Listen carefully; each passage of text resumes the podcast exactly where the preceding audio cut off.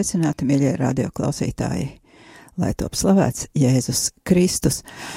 Skan radio Marija Latvija pulkstens desmit vakarā, un, kā parasti, raidījums vairāk tevis manī, un ar jums kopā es, Sandra Preisa. Šodien raidījumu sākšu mazliet tā, nu, lai gan pēdējā laikā mēs visu laiku sākam ar mazliet tādu aktualitātēm, kas notiek šobrīd. Un tad arī, jā, šodien um, sākšu nevis ar garīgajām aktualitātēm, bet gan ar tādām, kuras skar cilvēkus mūsu pasaulē un par kurām noteikti jūs esat uh, dzirdējuši. Uh, tā tad viena aktualitāte nav uh, galīgi jauna, tā ir, tā turpinās, tie ir Austrālijas ugunsgrēki. Varbūt esat ievērojuši, ka šobrīd jau ir viena cita aktualitāte, jeb iemesls karstām emocijām un gandrīz vai panikai. Un visi jautājumi par Austrāliju, it kā vismaz latviešu mēdījos, ir atkāpušies otrajā plānā. Eh, Taču tā nav. Eh, Austrālijā joprojām šie ugunsgrēki ir, eh, taču tie ir savaldīti. Situācija ir ļoti uzlabojusies, un gribētos domāt, ka tas ir noticis arī pateicoties ticīgo cilvēku lūgšanām visā pasaulē, jo arī mēs taču lūdzāmies. Jo parasti šajā laikā Austrālijā lietus tikpat kā nav, bet šogad nolija milzīgas lietusgāzes, kas tiešām palīdzēja ugunsgrēku savaldīšanā. Tomēr BBC uh, ziņu kanāls 31. janvārī, tas ir dažas dienas atpakaļ, ja, burtiski piekdien, mm, kā jaun Dienvidu Velsā, jeb New South Wales un Viktorijas štatā vēl ir ap 50 ugunsgrēkiem, bet šobrīd tie ir kontrolēti. E, Tomēr laika prognozes nav labvēlīgas. Nedēļas nogalē atkal sola vējainu un sausu un ļoti karstu laiku. Tas ir, e, nu, par cik tas bija piekdienā, šī ziņa tātad tas jau ir par sestdienu un svētdienu, bet neko jaunu neesmu atradusi pagaidām, kādas ziņas, kas tur īsti bijis. Bet, vārdu sakot, Šis nav lietus periods Austrālijā, un tātad uh, tas lietus bija būtībā diezgan liels brīnums, ka tāds lietus tik spēcīgs nolīja.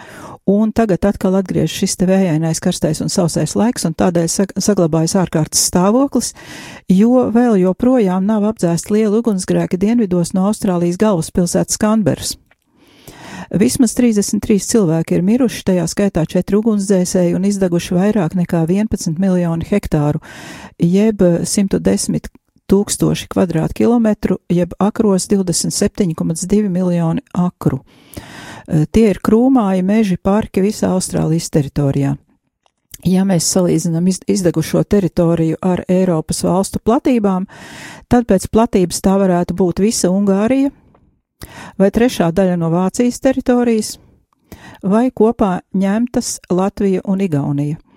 Un vai mēs vispār spējam iedomāties, ka Latvijas un Igaunijas vietā būtu tikai pelnu kaudzes? Lūk, šāda teritorija ir izdegusi Austrālijā, bet nu tā teritorija nav vienlaidus, tie ir tādi mm, izmētāti uh, izmētāti tādi gabali pa visu Austrālijas kontinentu, kurš ir milzīgs, bet tomēr šī te platība, nu, nav maza. Bet briesmīgākais ir tas, ka tur taču dzīvoja arī cilvēki un dzīvnieki. Uh, par dzīvniekiem uh, īstu datu nav, bija runa par kaut kādiem uh, ap miljonu, ja nemaldos, uh, beigtiem dzīvniekiem. Uh, bet tur, protams, skaitā ir arī mājdzīvnieki, ir arī milzīgi gaitu ganāmpulki, kas ir gājuši bojā un, un radījuši cilvēkiem milzīgus zaudējumus. Visnelabvēlīgākais stāvoklis šobrīd ir tieši jauna dienvidu valsts pavalstī, kur uguns ir iznīcinājusi ap 5 miljoniem hektāru. 2000 māju un piespiedus tūkstošiem cilvēku meklēt kaut jau kādu pajumti. Šobrīd vairāk nekā 1600 ugunsdzēsēji ir iesaistīti dzēšanas darbos. Kanberā un tās apkārtnē stā, izsludinātais ārkārtas stāvoklis ļauj ugunsdzēsējiem piespiedu kārtā evakuēt cilvēkus, ja tas ir nepieciešams. Un piekdien, 31. janvārī, visstiprākās liesmas bija dienvidos no Tugeranongas rajona, kas atrodas 20 minūšu brauciena attālumā no Austrālijas parlamenta ēkas. Tātad pašas milzīgākās liesmas piekdien bija netālu, salīdzinoši netālu no Austrālijas parlamenta ēkas. Tāda nu šobrīd ir situācija Austrālijā. Tā tad ir jāturpina lūkšanas, ko mēs arī šogad darīsim, lai gan Austrālijas tēma medijos, kā jau minēju, ir nomainījusi nākamā sensācija un panika, kura saucas koronavīruss. Un mēs jau runājām, ka pasaule ilgojas pēc sensācijām, Un lūk, atkal ir piespēlēta nākamā sensācija. Uh, bet uh, šī ir lielā mērā uh, stiprāka par Austrālijas ugunsgrēkiem pat, jo tā var skart katru cilvēku personīgi. Un tādēļ cilvēki pasaulē ir ļoti nobežījušies un kā ziņās sludināja, ka ir izpirktas visas maskas Eh, Ķīnā un vēl daudzās pilsēt, daudzās valstīs, kur ir eh, konstatēti šie te koronavīrusa gadījumi, eh, kā šīs te sejas maskas aizsargājošās, jeb respiratori ir izpirkti un kļuvuši par deficīta preci. Mūsu latviešu ārsts Pēters Apinis situāciju raksturo šādi. Šis koronavīrus uzreiz kļuva par gada notikumu, aizēnojot karus un zemestrīces, Trumpa izteiciens un Putina jauno konstitūciju. Jā, un es varu piebilst arī Austrālijas ugunsgrēkus. Vīruss kļuva par pasaules galveno tēmu, līdz ar to par vīrusu raksta un izsakās visi, un šķiet, ka rakstot un lasot par vīrusu, cilvēki izbauda zināmu prieku. Vīruss ir tālu, taču bīstams. Tā nu izsakās Pēters Sapins. Patiesībā, runājot nopietnāk, Latvijas mērogos Latvijas veselības ministrija savā mājaslapā apliecina, ka nepieciešamības gadījumā spēs nodrošināt veselības aprūpas sniegšanu pacientiem, kuriem pastāvēs aizdomas par inficēšanos ar šo vīrusu. Līdz šim Latvijā nav reģistrēts neviens koronavīrusa pacients, un plašāk par aktuālo situāciju un profilakses ieteikumiem iedzīvotājiem un ceļotājiem Veselības ministrija aicina lasīt slimību profilakses un kontrolas centra mājaslapā kā arī šīs iestādes sociālo tīklu vietnēs. Savukārt, ja palasa un paklausās citu valstu sabiedriskos medijus, var dzirdēt viedokli, ka vīruss nav bīstamāks par iepriekš zināmajiem vīrusiem, kā piemēram SARS. Uh, šis vīrus tiek uzskatīts par draudu, jo ar to ir ļoti viegli inficēties, un cilvēks var 14 dienas būt bez jebkādām slimības pazīmēm, bet tomēr ap, aplipināt apkārtējos. Kā galveno aizsardzības līdzekli speciālisti min to pašu, ko jebkuras citas gripas gadījumā - mazgāt rokas ļoti bieži, jo, ja esam pieskārušies kādam durvju kliņķim vai rokturim, turējušies sabiedriskajā transportā, pieskārušies jebkādai lietai, uz kuras ir inficēti pilieniņi, kur blakām ir šķaudījis vai klepojas uh, inficēts cilvēks vai pat varbūt sarunājies. Uh, mēs ar nemazgātām rokām, uh, uz kurām ir šie te pilieniņi kaut kur sataustīti, ja, mēs varam tos ieberst acīs, degunā, apēst kopā ar ēdienu, jādam nemazgātām rokām, un tādā veidā arī inficēties, tātad rokas mazgāt, mazgāt pie, bieži, bieži, bieži, un izvairīties no vietām, kur ir daudz cilvēku, kuri atrodas viens otram cieši blakus, kā pilnā sabiedriskā transportā, arī koncertos, teātros un tam līdzīgās vietās.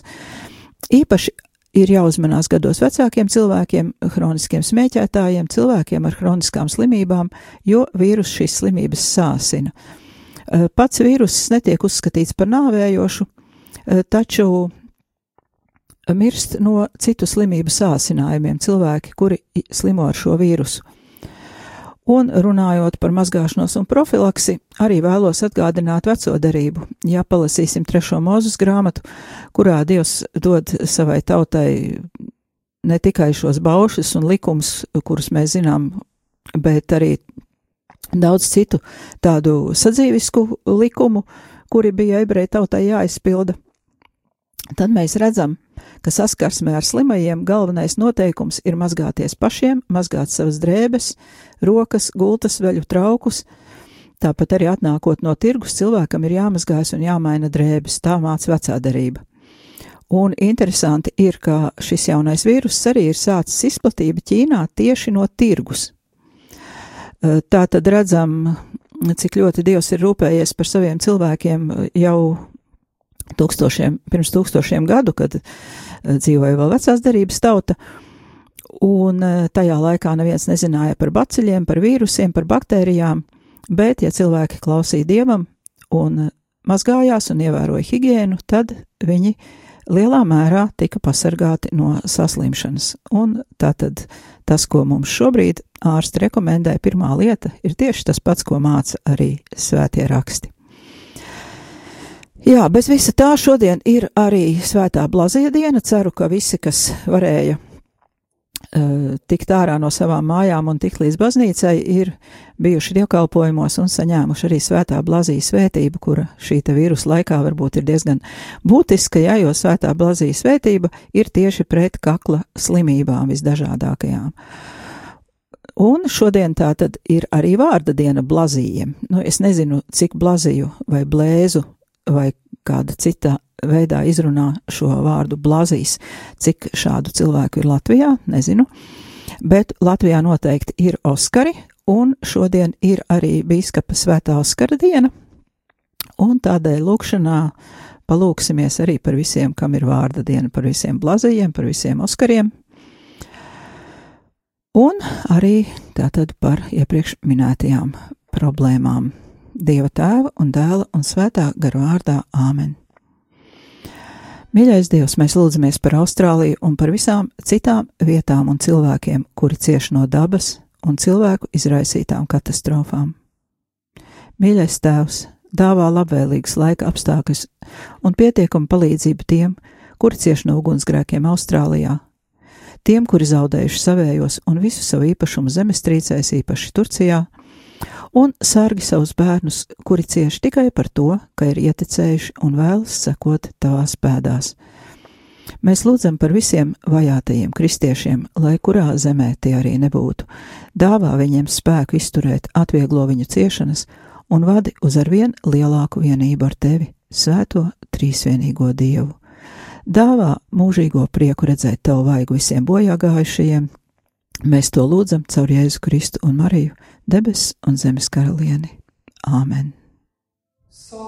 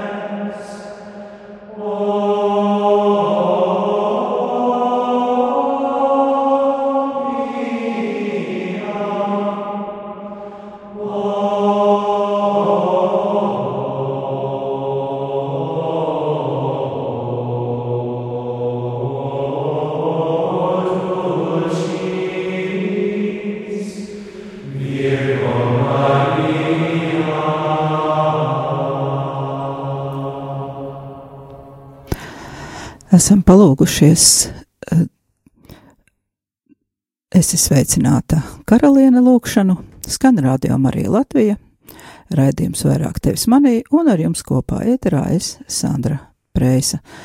Šo un nākamos raidījumus iespējams līdz pat sezonas beigām, kā jau iepriekš esmu minējusi, eh, apvienos viena tematiskā līnija, kuru es eh, formulēju apmēram tā 21. gadsimta kristietis, kā izdzīvot savu ticību pēc patiesības laikmetā. Eh, Kā jau arī iepriekš solīju, tēmas būs dažādas, eh, taču šī te tēma, eh, šī te pamattēma vīsies cauri visiem raidījumiem.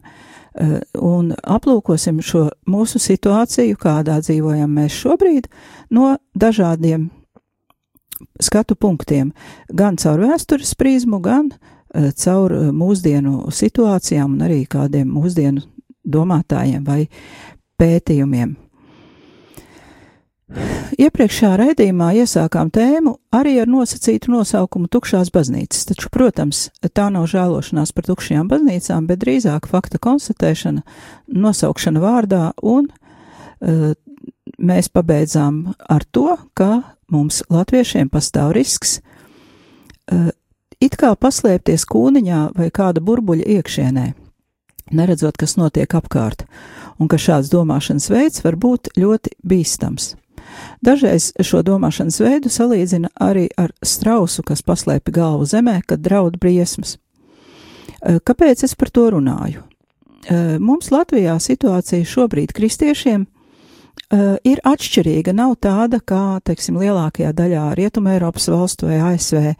Un tajā konferencē, kurā es piedalījos Budapeštā, par to arī daudz runāja, ka kristietībai ir nepieciešams kaut kā atjaunoties, saprast, pa kādiem ceļiem tai attīstīties 21. gadsimtā, taču situācijas katrā valstī ir ļoti atšķirīgas un nevar tā teikt, ka visur ir vienādi. Taču varam viens no otra mācīties, ja neesam slinki un ja nebāžam kā strausi galvu zemē. Latvijā mēs būvējam jaunas baznīcu ēkas, ejam un braucam svētceļojumos un varam domāt, ka tas, kas notiek Eiropā un ASV, mūs neskar. Taču redzam, ka, piemēram, tas pats jaunais koronavīruss tomēr var mūs skārt, lai gan ir radies Ķīnā, kas ir ļoti, ļoti tālu no mums. Un līdzīgi ir arī ar dažādām domām, filozofijām, teorijām, politiskiem strāvojumiem pasaulē. Likās, ka sabrūkot PSRS, komunisms ir zaudējis savu varu, un mēs beidzot dzīvosim brīvajā pasaulē. Taču šobrīd redzam, ka komunisma idejas nekur nav zudušas. Sociālisti un komunisti joprojām laužas pie varas gan Eiropā, gan Amerikas kontinentā un pat Amerikas Savienotajās valstīs, kas bija lielākais atbalsts komunismu sagrāvē.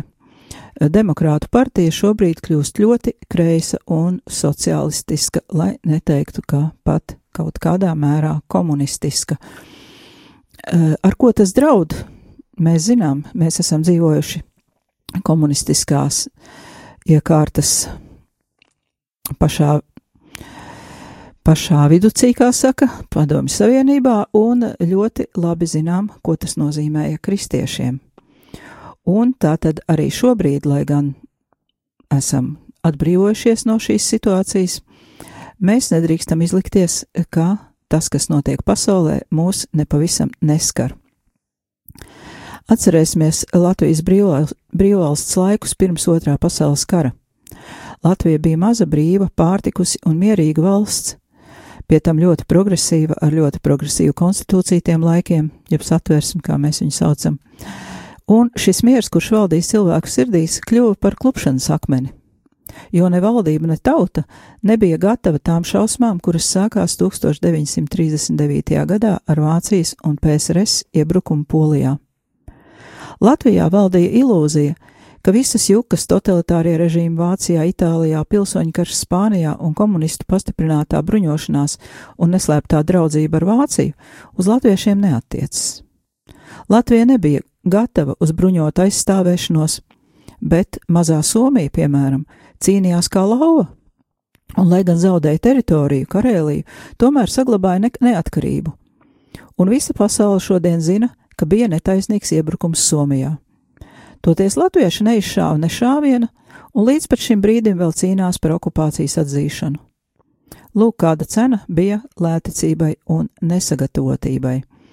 Protams, zinām visas Staļina nometnes un visu. Var jau būt, ka mēs nebūtu uzvarējuši, ja būtu pretojušies, bet šobrīd noteikti mums būtu politiski viekla, vienkāršāk atzīt to, ka ir notikusi okupācija. Tātad tāda situācija mums ir kā, nu, kā paraugs, kā nevajadzētu darīt. Un arī attiecībā uz kristietību es aicinu tātad izvairīties no šāda domāšanas veida. Mums Latvijas kristiešiem, un ne tikai kristiešiem, ir jābūt gataviem aizstāvēt gan savu valsti, gan savu ticību, un nedrīkstam domāt, ka kaut kas, kas notiek pasaulē, uz mums neatiecas. Ir tā, ka uh, pasaulē valda šī, nu, pasaulē, ne, nu, es atkal nepareizi pateicu, varbūt Eiropā un Amerikā, uh, tur, kur ir kristīgas valstis, gadsimtiem bijušas, ir pierasts, ka uh, cilvēki domā kristīgajās vērtībās, kristīgo vērtību kategorijās, un arī mēs šeit esam pieraduši domāt, ka kultūra kura ir veidojusies uz kristīga pamata, ir kaut kas nesatricināms, mūžīgs un pašsaprotams, jo gan mēs paši, gan mūsu vecāki, gan vecvecāki pat, ja dzīvoja komunisma laikā un nevarēja eh, šo kristīgo ticību praktizēt, tomēr uh, pazina šīs kristīgās vērtības, un tās bija dziļi, dziļi sirdī iesakņojušās. Un tieši tas, ka mums šobrīd liekas, ka tas viss ir tik ļoti paš, pašsaprotami.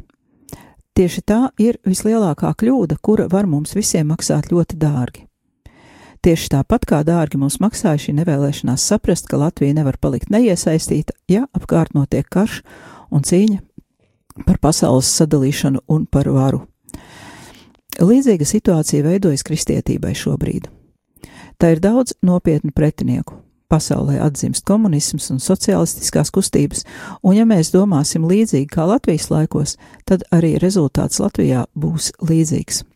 Ja mēs vēlamies citu rezultātu, ir jāmaina domāšana.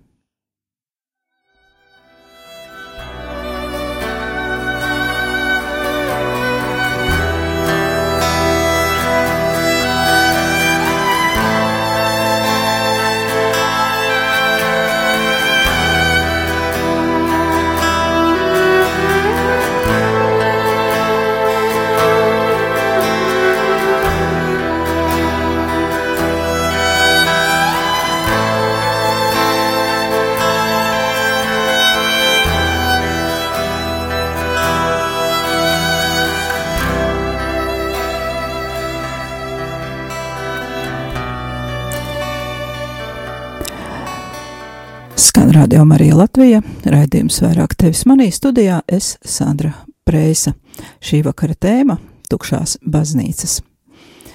Raidījumos mēs jau esam nedaudz pieskārušies jautājumam par jaunu sektu, grupu un reliģijai līdzīgu kustību rašanos, kuras ir lielākā vai mazākā mērā naidīgas kristietībai. Un runājām par to, ka nekādā gadījumā nevajag celt paniku, jo tā nav labs padomdevējs. Šo es pa laikam raidījumos atgādināšu, jo lietas ir jāsauc to īstajos vārdos, bet tas nav patīkams uzdevums un patiešām var radīt nelāgas sajūtas. Šovakar jau ir pieminētas smagas realitātes, gan ugunsgrēki, gan slimības, gan arī politiskas realitātes, taču mans nolūks nav radīt paniku vai bailes. Lai mēs spētu būvēt tādu nākotni, kādu novēlam saviem bērniem un bērnu bērniem, tajā skaitā, lai saglabātu arī tās vērtības, kuras mums ir svarīgas un kuras veidojušās garos gadu simtos kristietības ietekmē, mēs nevaram dzīvot ilūziju pasaulē, izolēti no dzīves realitātes. Tādēļ aicinu skatīties plašāk, ieraudzīt kopsakarības un no tām mācoties, stāvot droši ar kājām uz zemes tagadnē, veidot mūsu visu kopīgo nākotnes realitāti. Es domāju, ka mums visiem, gan man, gan jums, mīļie klausītāji, ir pieredze kādu dzīves smagu jautājumu vai problēmu risināšanā, jo no tiem jau neviens nav pasargāts. Noteikti zinām, ka apjukums, panika, bailes vai pasivitāte nekādā veidā neved ne uz ko labu. Ja mēs meklējam risinājumu, ar ko tad mēs parasti sākam? Nu, ja nesākam ar paniku, kā jau es minēju, bet tiešām ķeramies pie risināšanas, tā tad sākam ar problēmas jeb jautājuma aktualizāciju. Mēs mēģinam iespējami precīzi nosaukt vārdā to, kāda tad ir reālā situācija un ar ko mums būtu jātiek galā. Jo precīzāk nosauksim, jo labāk varēsim izstrādāt paņēmienus, lai tiktu ar to galā. Tas ir līdzīgi kā skolā matemātikas tekstu uzdevumā. Ja nesaprotam, ko no mums prasa, tad nevaram tikt pie pareizās atbildes. Matemātiku mēs parasti nesaprotam, ja pavirši lasām uzdevumu nosacījumus, neesam gatavi domāt vai apguvuši vajadzīgo vielu, vai vienkārši esam ieņēmuši prātā iedomājušies, ka mums nepadodas matemātika un pat īsti nemēģinam risināt. Un līdzīgi ir ar jebkuru dzīves uzdevumu. Jo paviršāk mēs to risinām, jo bēdīgāks būs rezultāts. Tā tad atgādinu šīs dienas uzdevums, nosacītais nosaukums Tukšās baznīcas. Tātad pirmais mēs apzināmies situāciju. Ja sekojam informācijai, tad redzam, ka Rietuma Eiropā draudzes reāli kļūst arvien mazākas, eh, pat beidz savu eksistenci, citas nespēja vairs uzturēt ne priesteri, ne dievnam, un tāpēc baznīcas tiek slēgtas un pārdotas vai nojauktas. Latvijā tas varētu būt aktuāli lauku draudzēs, jo jaunieši pārceļas uz pilsētām, un eh, var pienākt tāda situācija, ka laukos atbaznīca ir pavisam jāslēdz ciet, jo vairs nav cilvēku, kas, tu, kas uz to iet, ja ir viens, divi, trīs iedzīvotāji tūmā, kuri fiziski nekādā veidā nav spējīgi uzturēt ne savu baznīcu, ne priesteri un daudz viet jau šobrīd arī, zinām, lauku draudzēs nav savi priesteri, bet tie braukā uz vairākām draudzēm, viņi dzīvo kaut kur pie kādām lielākām pilsētām un braukā uz vairākām draudzēm noturēt dievkalpojumus. Rīgu gan šāda situācija vēl neskar, bet noteikti mēs visi būsim pamanījuši, ka arī Rīgā vairs nav tāda aktivitāte, kāda bija atmodas laikā. Sabiedrībā parādās arvien vairāk dažādu modernu strāvojumu un kustību, kurās iesaistīties ir interesanti. Un ir labi, ja kristieši iesaistās, piemēram, dabas aizsardzībā. Nav nekā ļauna, ja kristietis izvēlās mainīt savus ēšanas paradumus, bet šobrīd ir vērojama tendence jebkuru ideju, hobiju vai izvēli politizēt, veidojot to par kaut ko līdzīgu algdievībai vai sektai un agresīvi aizstāvēt savu šaurās grupas viedokli, pilnībā noliedzot jebkādu citu viedokli un neieklausoties citos. Un šādā vidē ir jābūt ļoti stipriem savā vērtību sistēmā un ticībā, lai nepazaudētu savas kristīgās saknes, pie tam ne tikai jauniešiem, bet jebkura vecuma cilvēkam.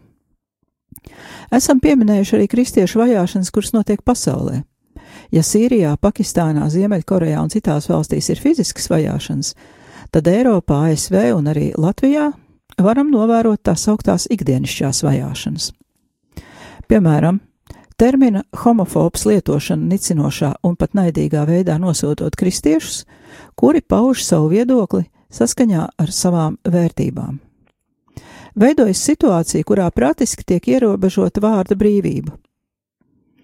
Ir viedokļi, kurus drīkst paust un kur, kuriem ļauj izskanēt medijos, piemēram, un arī publiski kaut kur, un ir tādi viedokļi, kuri tiek klusināti. Un, protams, kristiešu viedoklis ir tas, kuru mēģina apklusināt. Tas ir tikai viens piemērs mūsu ikdienā. Kamēr citur pasaulē šī vārda un reliģija brīvība lēnām tiek ierobežota arvien vairāk. Piemēram, ASV bažas par reliģijas un vārda brīvības saglabāšanu un nosargāšanu ir prezidenta dienas kārtībā. Un šī lielā valsts, kura ļoti ilgi ir bijusi pat jāsaka kristīgāka par Eiropu, ir nopietnas izvēles priekšā. Un šī te reliģijas brīvības zaudēšana, tā ir nopietna zīme. Ja zinām, ka tieši ASV bija valsts, kura nekad nav atzinusi Latvijas okupāciju un kurā kristieši ir lūgušies par Latvijas brīvību visus okupācijas gadus. Tagad ir pienācis laiks mums lūgties par Amerikas Savienotajām valstīm un Kanādu, jo situācija pasaulē mainās un mainās strauji. 21. decembrī Romā, diskutējot par Romas kūrijas izmaiņām, pāvests Francisks atzina, ka kristīgā pasaule vairs neeksistē. Viņš teica apmēram tā: Šodien mēs vairs neesam vienīgie, kuri rada kultūru. Mēs neesam priekšgalā un neesam pat tie, kurus visvairāk uzklausa. Mēs vairs nedzīvojam kristīgā pasaulē, jo ticība īpaši Eiropā un ievērojamā daļā rietumu vairs nav acīm redzama sabiedriskās dzīves sastāvdaļa. Patiešām, ticība bieži tiek atgrūsta, izsmieta un marginalizēta. Eh, tas ir citāts no Vatikāna radio mājaslapas. Eh, ceru, ka daudz maz precīzs tulkojums no angļu valodas. Un arī šīs dienas misijas lasījumā dzirdam, kā Jēzu palūdz aiziet. Eh, lasījām šodien Marka evaņģēlīju, klausījāmies kurā bija stāstīts par to, kā Jēzus izdzen ļaunos garus no cilvēka un sadzen tos cūkās. Un uh, no 14. līdz 17. pantam varam lasīt.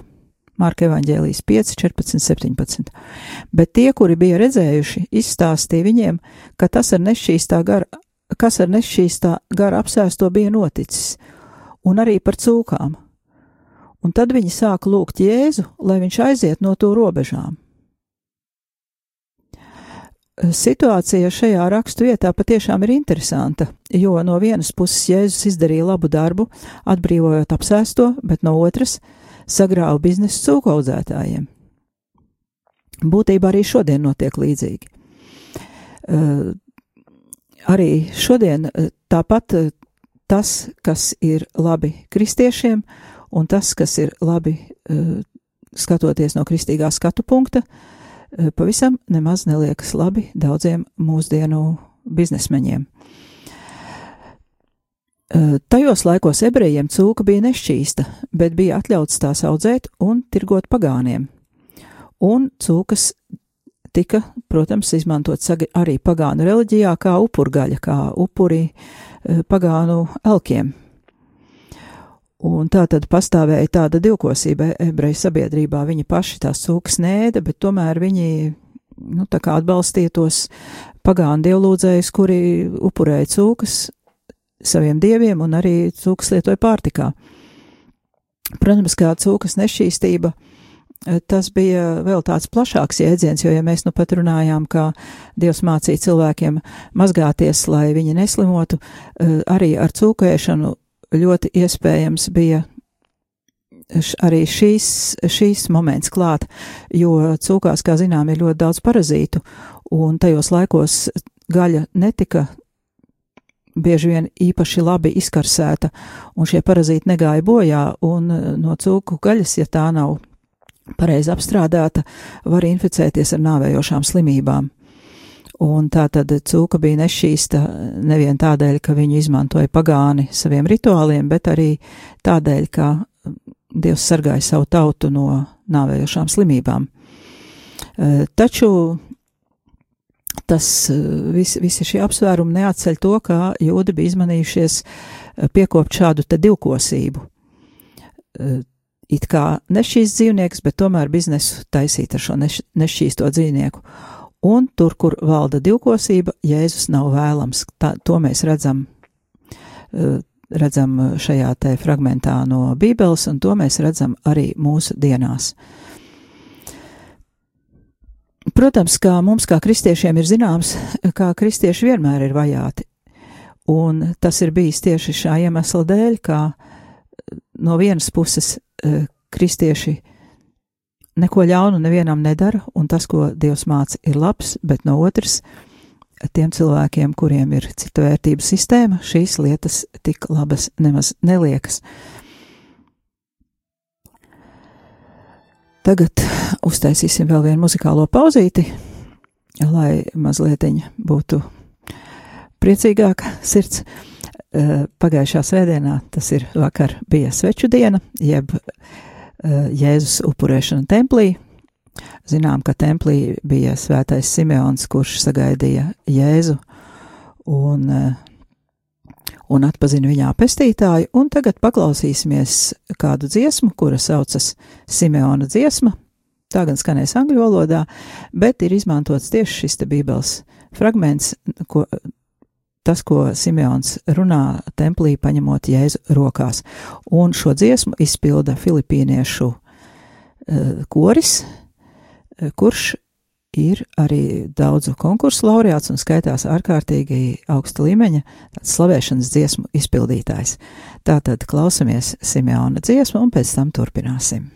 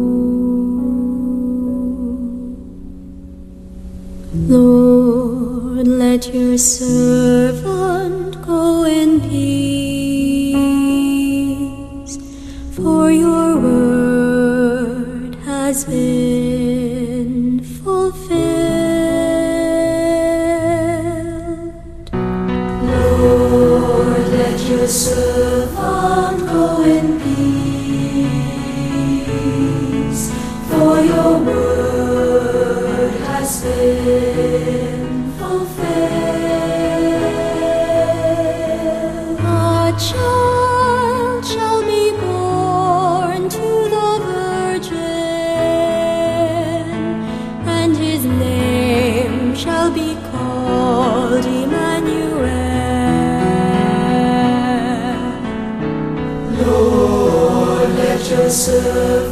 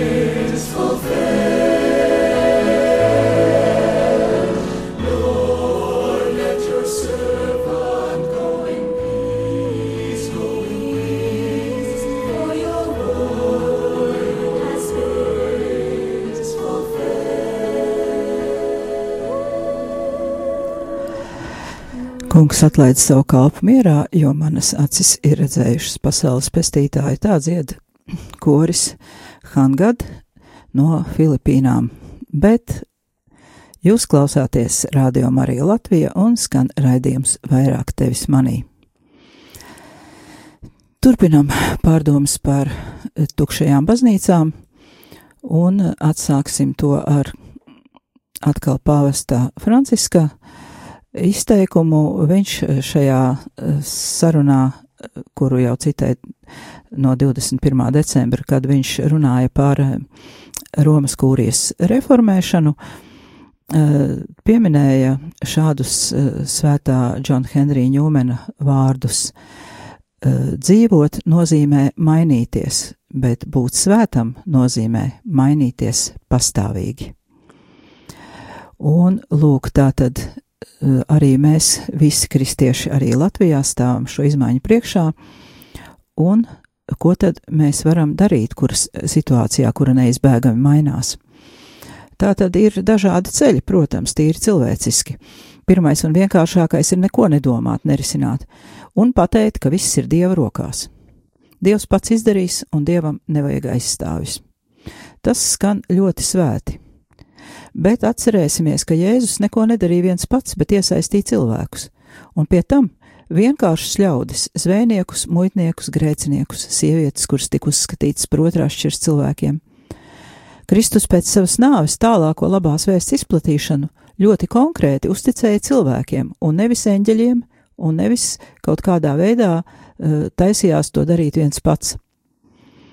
Tātad šis risinājums neko nedomāt un nerisināt ne, noteikti nebūs īstais. Tā tad otrā reakcija, kāda varētu mums būt uz situāciju, kura mainās, ka mēs kaut ko sākam darīt dedzīgi, bet savā spēkā. Kristus solīja un arī nosūtīja svēto garu, un tā tad vieniem pašiem kaut ko prātot savā spēkā arī nav īstais risinājums. Trešais - vainīgo meklēšana. Noteikti vienmēr var atrast kaut ko vai kādu, kas ir vainīgais. Un arī bieži dzirdam, eh, runājot par šīm te pašām tukšajām baznīcām un runājot vispār par to, ka kristietībai ir eh, izveidojusies tāda gluži nepatīkama situācija šobrīd. Eh, mēs visu laiku runājam par to, jā, patērētāju sabiedrība apkārt, visi ienaidnieki no ārpuses, visi, visi, visi citi vainīgi, tikai mēs nē.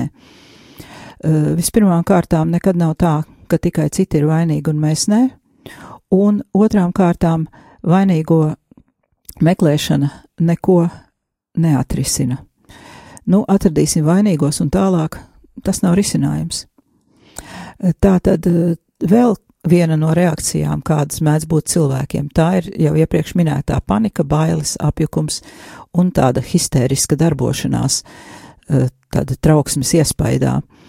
Eh, tā ir labi saprotama cilvēku reakcija, bet tikpat labi arī saprotam, ka šādā stāvoklī mēs nespējam pieņemt situācijai atbilstošus lēmumus, kuri kaut ko varētu risināt ilgtermiņā, un tā tad arī panika, bailes un, un trauksmes eh, veicināta darbošanās, tāda histēriska darbošanās noteikti nav risinājums nevienā situācijā. Nākamais ir pacietība, pacietība, kuru iesaka daudzi garīgie tēvi, un arī pazīstamais ortodoks priesteris Aleksandrs Meņš ir ļoti, ļoti skaisti izteicies par pa pacietību. Un viņš ir teicis tā, pacietība nepavisam nav pacietīga lopa stāvoklis, kurš pacieš visu un nepretojas. Tā nav cilvēka pazemošana, nepavisam nē. Tas arī nav kompromiss ar ļaunumu nekādā gadījumā. Pacietība Tā ir māka saglabāt gara nesatricināmību, augstasinību apstākļos, kuri liek šķēršļus šādai augstasinībai. Pacietība tā ir māka iet uz mērķi, neskatoties uz šķēršļiem, kuri gadās ceļā. Pacietība tā ir spēja saglabāt priecīgu prātu, priecīgu garu, kad apkārt ir pārāk daudz skumju un bēdu. Pacietība ir uzvara un grūtību pārvarēšana. Tā ir viena no vīrišķības formām un lūk, kas ir patiesa pacietība. Tā Aleksandrs Meņš. Nu, un liekas, ka mēs jau esam arī tuvu, tu, vistuvāk labākajam risinājumam, tātad, ja mēs izmantojam šo pacietības tikumu un sākam pētīt faktus, nepadodamies bailēm, nepadodamies dažādām emocijām, bet racionalizējam šos faktus, nosaucam vārdā, tad mēs jau esam pavisam tuvu tam, kā varam eh, reāli paskatīties uz situāciju un sākt domāt par to, kā šo situāciju risināt. Par dažādiem interesantiem risinājumiem iesāksim runāt nākamajā raidījumā, eh, bet tagad arī tad raidījumu beigsim. Es no jums atvados līdz nākamajai pirmdienai, atgādinu, skanēja raidījums vairāk tevis manī, un ar jums kopā biju es, Sandra Preisa.